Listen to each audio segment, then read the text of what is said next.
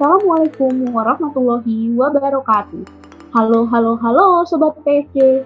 Saat ini kamu sedang mendengarkan podcast yang dipersembahkan spesial pertama kali oleh PS Club bersama dengan aku, Nadia Ayulia, dan narasumber kita, Anggit Nabila, PSC Scholarship Award di batch 1 dari Universitas Indonesia yang akan membahas mengenai beasiswa dan magang dalam Nasib Station Yuk bahas solasif dan intensif.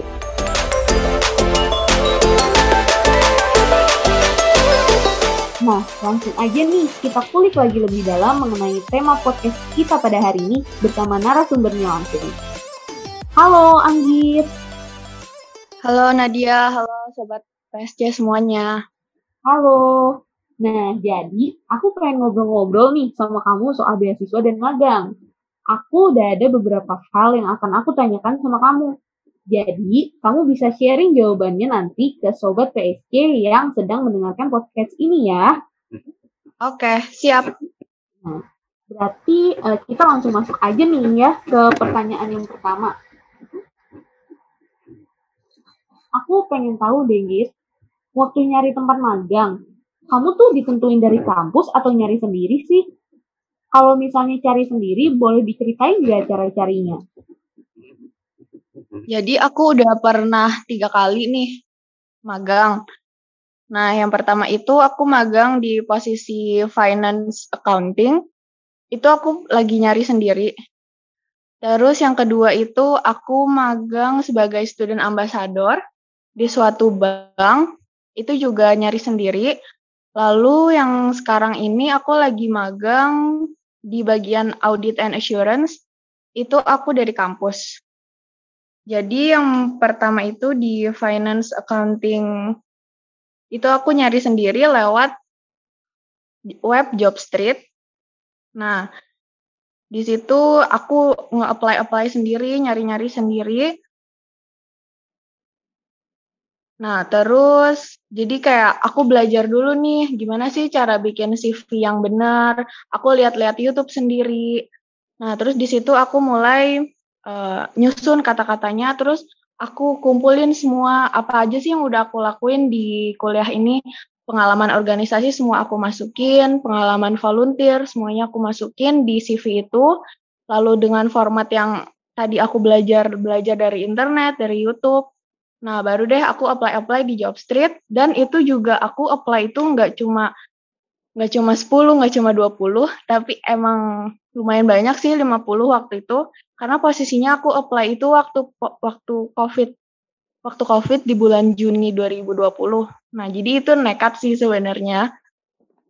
Nah, jadi di situ aku mulai apply, mulai belajar tuh uh, cari-cari cari-cari cara buat CV yang bagus. Nah, habis itu aku mulai masuk di tahap seleksi berkas.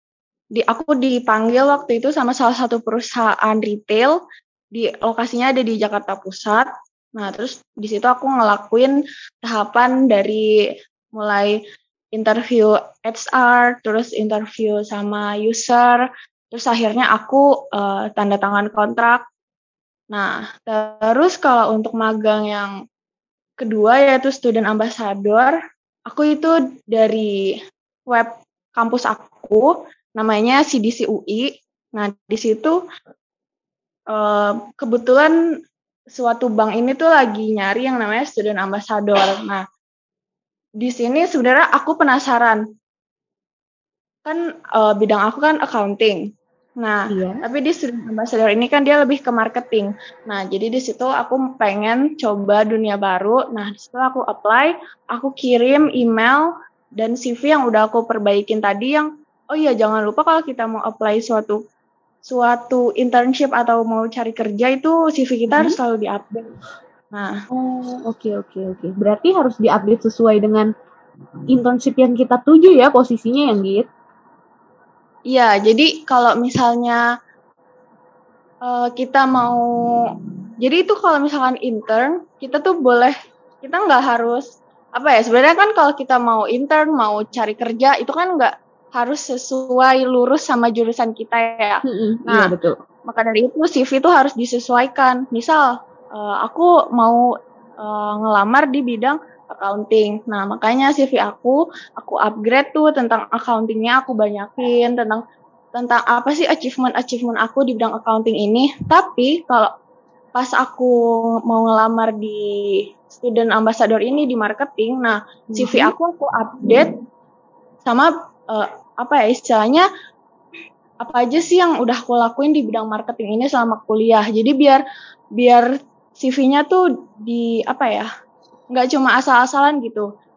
HR-nya tuh iya. beneran nilai kita kalau kita tuh sungguh-sungguh. Kayak iya, gitu sih. Iya. Oke, oke, oke. Oh iya, terus yang terakhir. Mm-hmm. kalau di kampus ya di kampus ini yang audit and assurance itu dari kampus.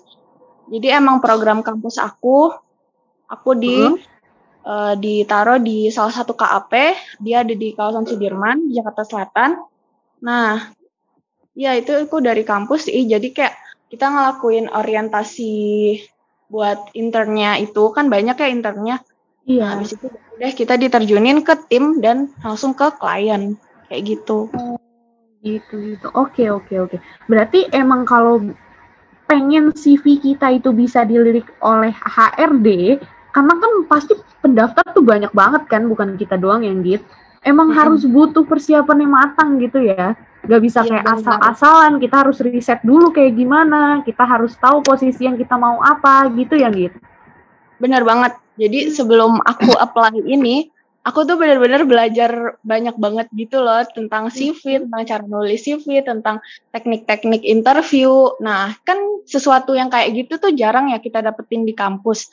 Nah, iya, makanya betul. aku tuh nyarinya di internet, di Google, di Twitter, di, di YouTube paling banyak iya, juga. Iya.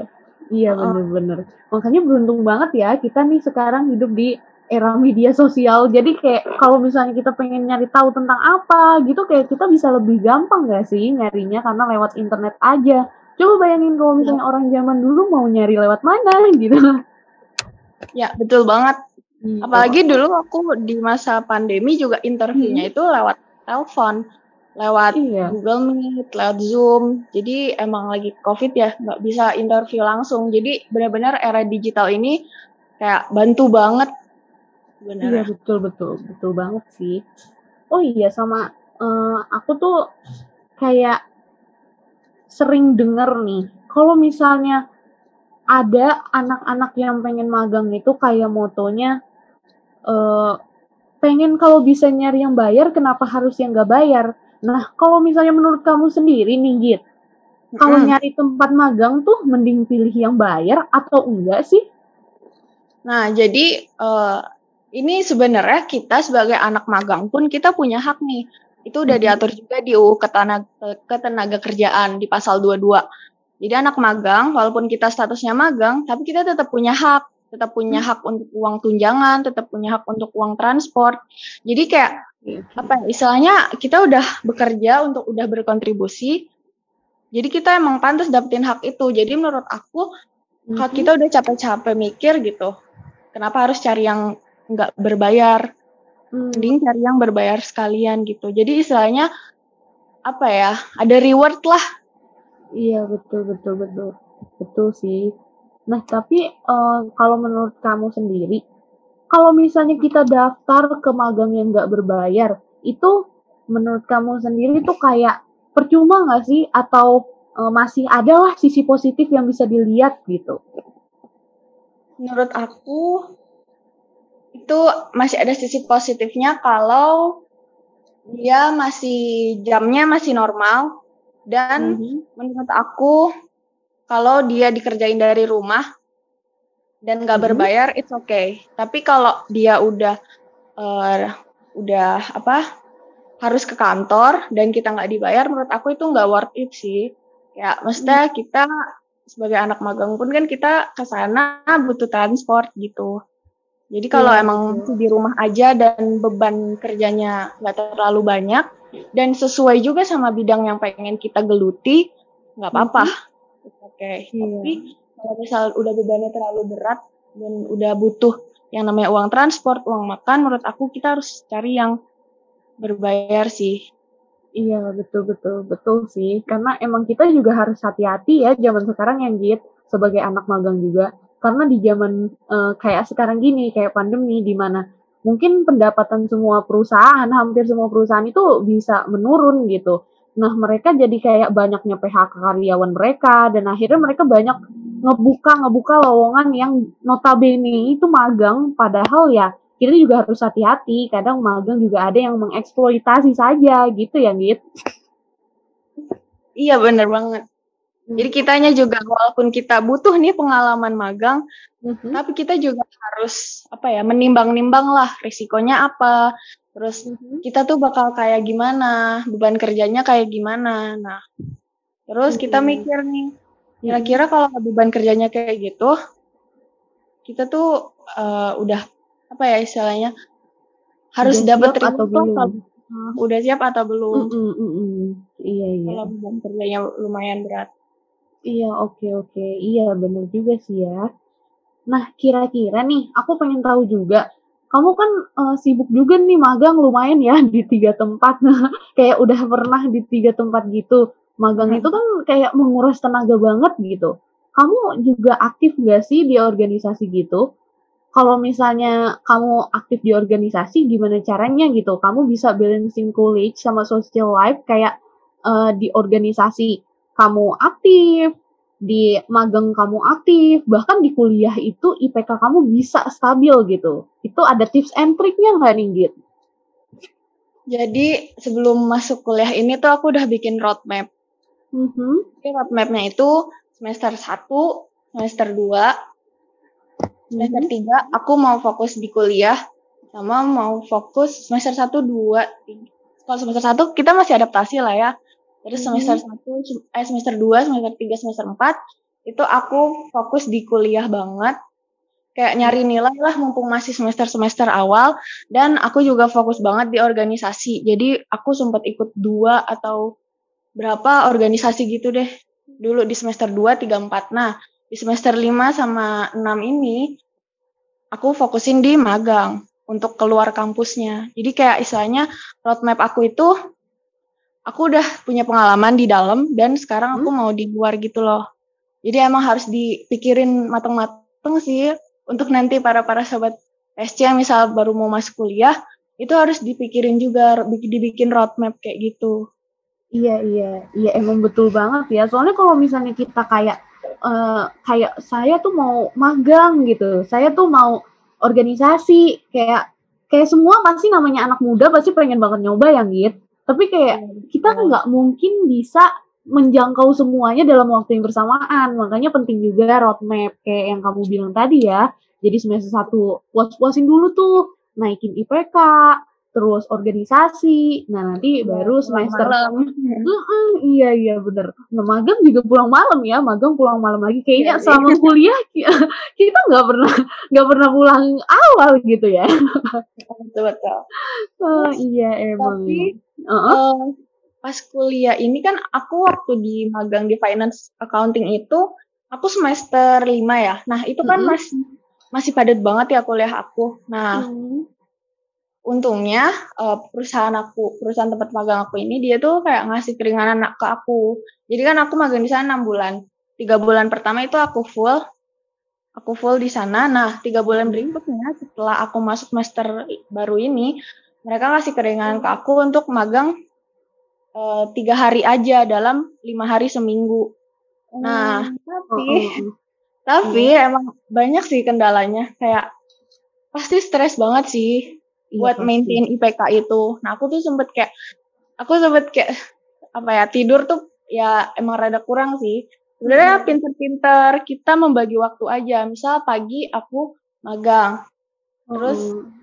sore uh, uh, siang magang sambil kuliah. Jadi kerja sambil on on di di Google Meeting kuliah kan waktu itu. Iya iya. PJJ ya pembelajaran jarak jauh. Mm-hmm. Terus malamnya kerjain tugas. Kayak gitu. Iya, Terus paginya berangkat lagi kantor. Wow. Emang mantep banget ya. Berarti manajemen waktu adalah jalan ninja oh. anggit. oh, betul.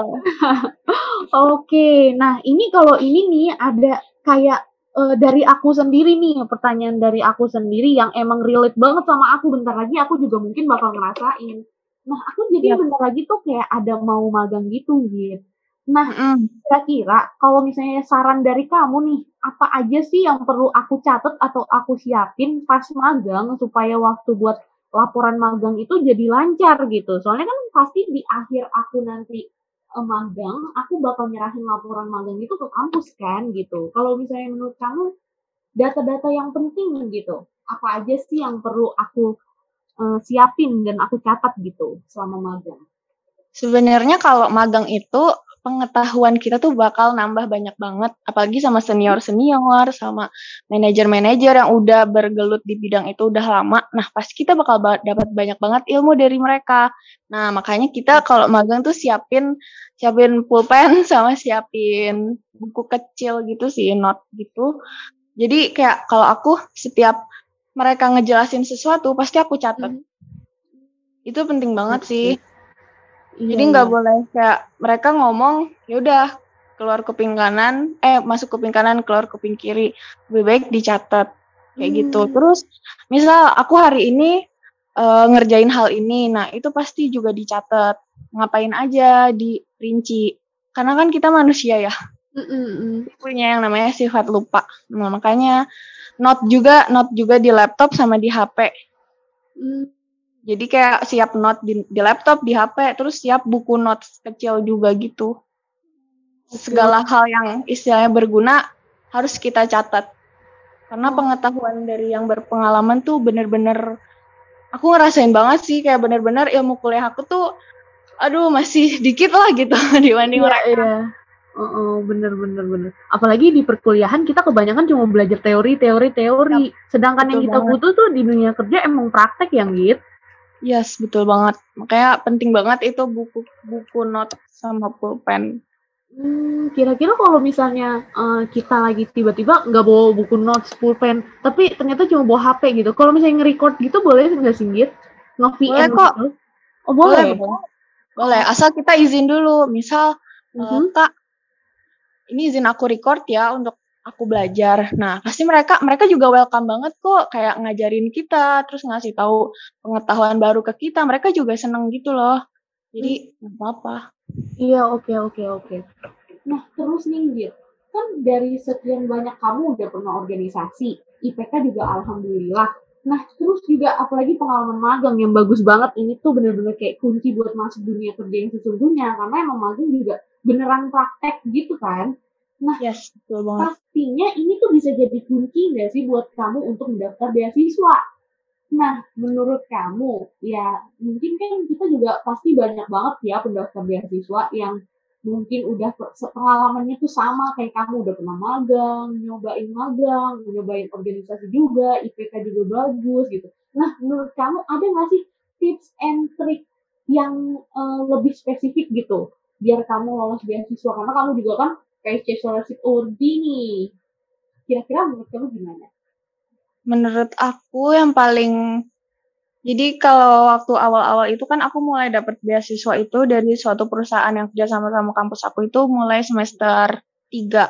Nah, di situ aku kenceng dinilai sih. Kita kalau mau dapat beasiswa kerja sama kampus kayak gitu, kita harus ini dinilai. PK oke oke. Berarti emang uh, kan banyak juga sih yang sering bilang kayak nggak apa-apa yang penting uh, pengalaman gitu. Yang penting uh, kayak udah magang dulu IPK mau belakangan sebenarnya berarti intinya kesimpulannya tuh nggak bisa gitu juga ya gitu karena emang kalau misalnya kita kita lihat juga kayak syarat administrasi untuk kerja aja gitu ada minimal IPK-nya gitu ya. Berarti emang kita harus ya antara IPK hmm. sama antara magang sama antara organisasi. Nggak bisa ada yang lebih nggak bisa ada yang kurang gitu ya gitu iya betul. Jadi kalau kita apply apply beasiswa baru di semester semester awal kan kita belum bisa untuk organisasi belum bisa hmm. magang kan. Jadi ya dinilai itu. Kita harus fokus dulu dinilai. Terus beasiswa aku yang kedua hmm. itu aku mulai di semester semester lima semester lima itu aku udah mulai banyak tuh pengalaman organisasi. Nah, itu poin plus aku di organisasi. Jadi, nah di organisasi ini kita juga jangan pengennya jadi staff aja. Nah, ini kita harus jadi istilahnya penanggung jawab, terus ketua pelaksana. Nah, itu nilai plus banget. Nggak apa-apa, awal-awal kita jadi staff, terus nanti kita harus naik nih untuk jadi ketua pelaksana, penanggung jawab. Karena itu benar-benar nilai plus untuk daftar beasiswa, daftar magang pun itu nilai plus banget. Hmm. Terus, uh, untuk yang PSC ini, itu emang seleksinya juga lumayan ketat sih. Jadi, nah di sini nih aku udah mulai, alhamdulillah udah mulai banyak organisasi, udah ada pengalaman magang juga. Nah di situ sih. Terus sama di teknik interview. Waktu itu aku sempat bareng interview, uh, ada yang gugup banget. Nah, itu juga tuh harus dihindari. Interview apa aja sih? Interview magang, interview beasiswa, jangan kelihatan gugup. Hmm, gitu. Nah, kalau misalnya dari pandangan kamu sendiri nih, kemarin kan kamu wawancara bareng tuh. Menurut kamu yang gugup itu ciri-cirinya kelihatannya gimana sih? Ciri-cirinya tuh ngomongnya pasti dia rada tersendat-sendat, terus mm-hmm. uh, mukanya tegang gitu loh, kayak padahal wawancara itu santai, tapi kitanya tegang. Nah, itu kelihatan. Jadi kayak banyak kok teknik-teknik interview di YouTube. Tapi menurut aku yang paling ampuh yang pertama itu jangan gugup.